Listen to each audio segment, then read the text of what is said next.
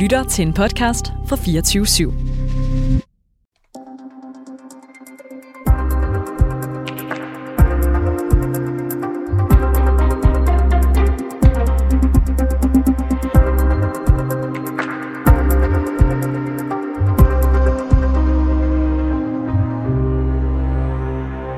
Skal det være lovligt for danske læger at tilbyde aktiv dødshjælp?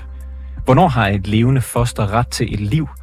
Og hvornår kan en kvinde med god samvittighed få en abort? Det er nogle af de svære etiske spørgsmål, som etiske råd tager sig af. Men det sker sjældent, at rådet når frem til en anden afgørelse end for eksempel den danske befolkning. Undskyld.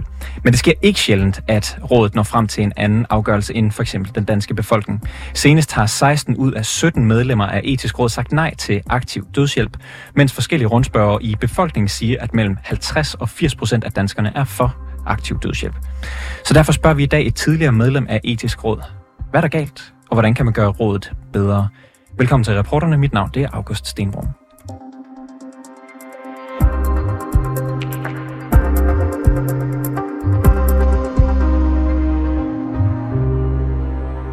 Thomas Søbjerg Petersen, det er dig, der er det tidligere medlem af Etisk Råd, som vi skal tale med. Velkommen til. Mange tak. Du er jo et øh, professor i etik på Institut for Kommunikation og Humanistisk Videnskab på RUK. Og så er du nuværende medlem af det, der hedder Dyreetisk Råd. Du mener, at man bør lave om på sammensætning i Etisk Råd, så at det enten afspejler befolkningen bedre, eller handler mere om ekspertise. Kan du forklare, hvorfor? Ja, det kan jeg godt. Øhm, når vi har et økonomisk råd, når vi ønsker at få noget rådgivning, af politikerne i økonomiske henseender, så ansætter vi, eller så er rådet fuldt af økonomer. Når vi har et etisk råd, så burde det også være fyldt med etikere. Selvfølgelig bør der også være læger og sygeplejersker, der har ekspertise om de ofte øh, medicinske emner, der bliver diskuteret, således at vi kan få øh, kendskærningerne på plads omkring de her teknologier.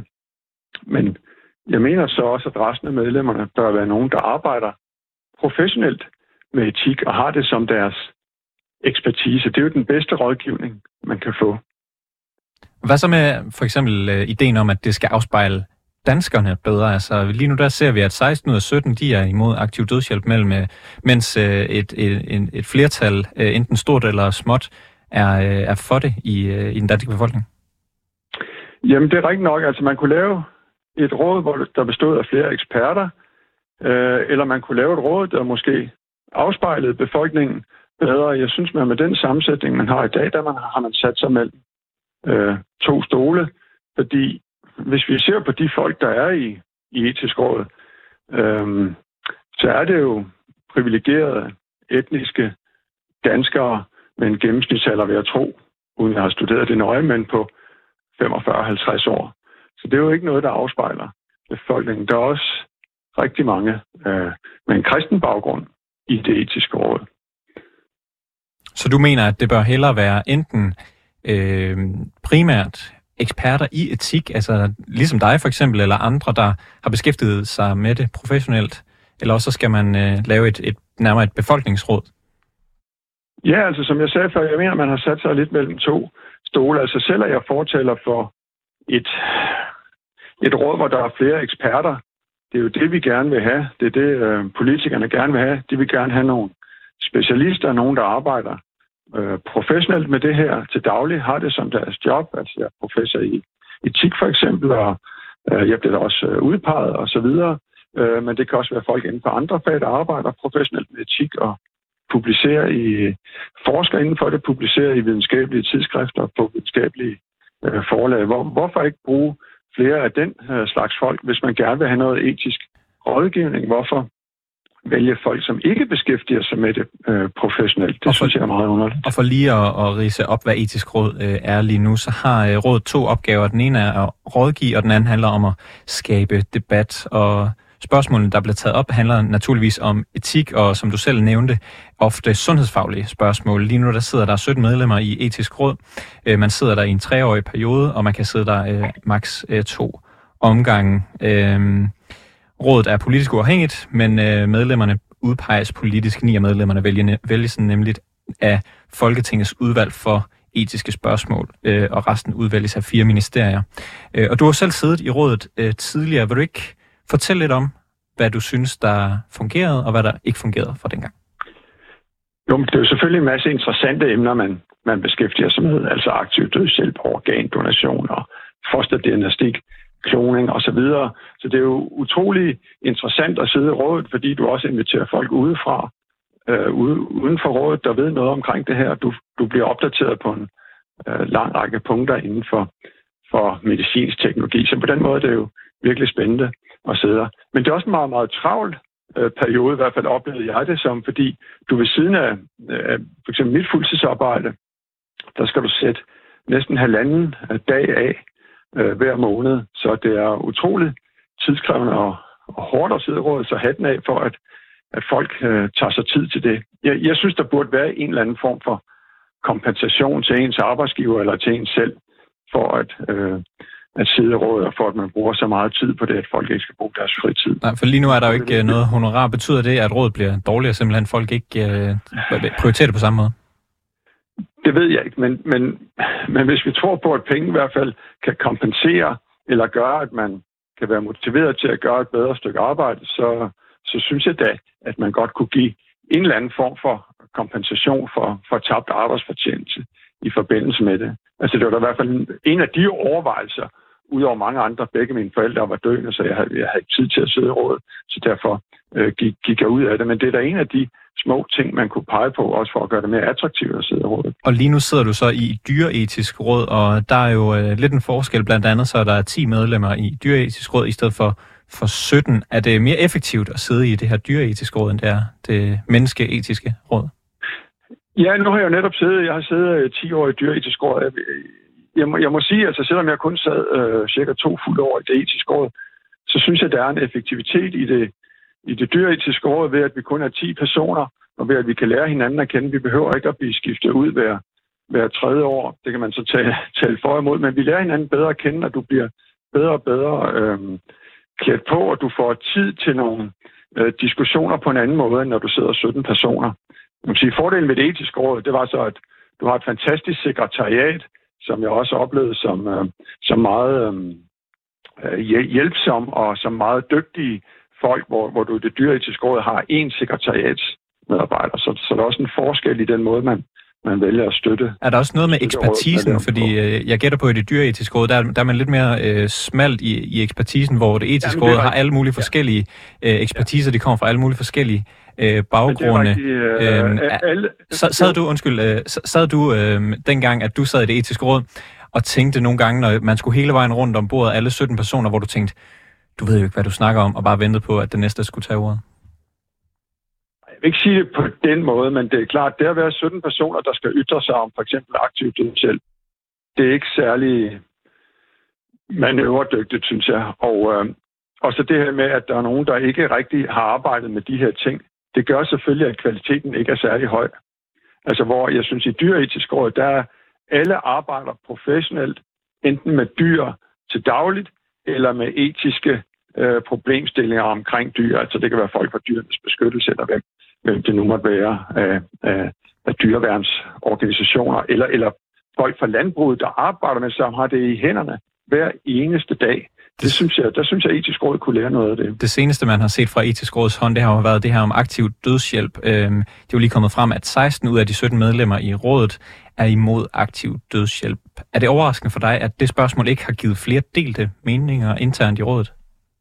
Ja, så umiddelbart er det ikke en overraskelse, vel, fordi jeg, jeg har rådgivet det etiske råd, ikke? så kan man sige, at øh, de ikke har lyttet særlig godt efter mig, som er for aktiv dødshjælp skal jeg så sige. Men, men der kunne jeg jo godt mærke, at stemningen ikke var, var for. Men det undrer mig faktisk, at der kun er én, øh, et medlem, der er for, når man ser på de argumenter, der bliver ført til tors for, at vi ikke bør have aktiv dødshjælp, at de for mig at se øh, hviler på meget dårlig øh, videnskabeligt grundlag og, og, og uklare begreber og underlige spekulationer. Er, der, er, der, øh, er det svært at være den, der er, eller de få, der er uenige med, øh, med majoriteten in, internt i rådet? Eller er der plads til det? Ikke. Der, der, der, der skal du snakke med en psykolog. Ikke? Selvfølgelig kan der være nogle gruppepsykologiske processer. Ikke? Hvis formanden er for et, så kan det, øh, smidt af, eller hvis der har været en lang kultur et sted for, at man er imod aktiv dødshjælp, så kan den blive overleveret osv. Det, det, det skal jeg ikke øh, gøre mig klog på. Det må, det må du snakke med, med medlemmerne om, eller med, med, med psykologer, der ved Hvis, noget omkring uh, gruppedynamik. Så lad, os, så lad os vende tilbage til aktiv dødshjælp. Jeg sagde lige før, 16 ud af 17 medlemmer er imod aktiv dødshjælp, men i går der kunne DR fortælle, at en opinionundersøgelse viser, at 72 procent af befolkningen de går ind for aktiv dødshjælp. Er der noget mærkeligt i, at etisk råd er blevet sammensat på en måde, der har så divergerende en holdning sammenlignet med resten af befolkningen?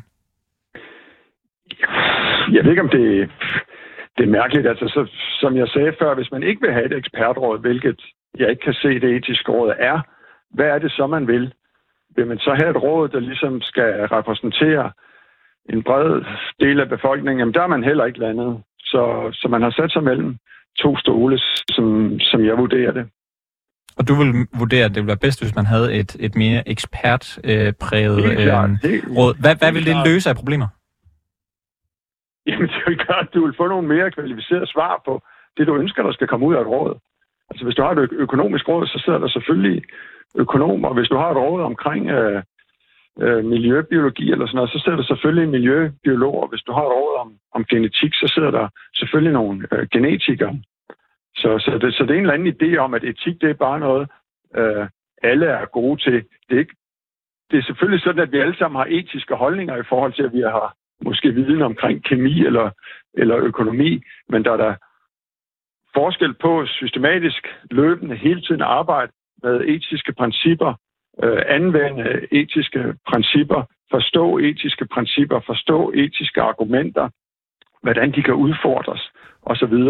Forstå, forstå de der typiske argumenter, som altså glidebaneargumenter eller sådan unaturlighedsargumenter, eller de der typer argumenter, vi altid møder hver gang, der kommer ny teknologi, at man ligesom er vant til at udfordre dem og kender forskellige varianter af de her typer argumenter. Thomas, der er noget, jeg lige gerne vil nå her til sidst og tale med dig om. Du har jo selv været medlem af rådet, du er professor i etik, det har vi været forbi.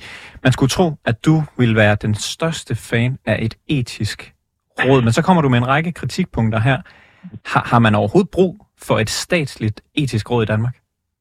Det synes jeg, man har.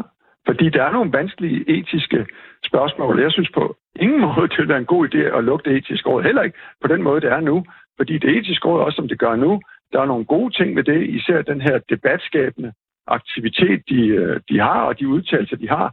De får os jo alle sammen, øh, du og jeg, mange danskere, til at tænke mere intenst over de her ting. Så, så alt i alt synes jeg, det er en, det er en god ting. Men min, øh, mit kritikpunkt er bare, hvorfor ikke have et råd med flere øh, eksperter, som du har i Sverige for eksempel. Men er det ikke, øh, er det ikke nemt for dig at sige, når, når du jo selv er den slags eksperter, så det vil sige, at det etiske råd hvad kan man sige, kommer til at ligne dig noget mere?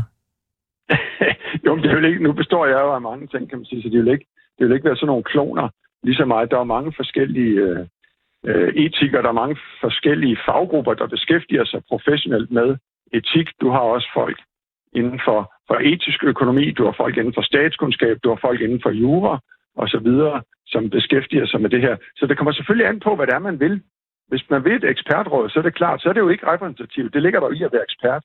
Der er du ikke, øh, der, der er du en speciel nørd, ikke? Øhm, men hvis du ikke vil et ekspertråd, hvad vil du så? Og så, hvis du så vil have noget, der repræsenterer befolkningen, så synes jeg, man virkelig har ramt ved siden af i de over 30 år, som vi har haft det etiske råd. Altså det er etnisk danskere, øh, akademikere, øh, 50 år. Hvor er de unge hen? Hvor er dem, der har en lidt anden religiøs retning? Hvor er dem med en anden etnicitet osv.? De er fuldstændig fraværende. Thomas Søbjerg Petersen, professor i etik på Institut for Kommunikation og Humanistisk Videnskab på RUG. Tak fordi du var med i programmet. Selv tak. Det var alt for reporterne i denne omgang. Tak fordi du lyttede med. Bag, bag udsendelsen var Jeppe Aumann Øvig, der også har produceret den. Mille Ørsted er redaktør, og mit navn det er August Stenbrun. Kære lytter, du har lyttet til et program fra 24 /7. Du kan finde meget mere modig, nysgerrig og magtkritisk taleradio på 24 7 appen Hent den i App Store og Google Play.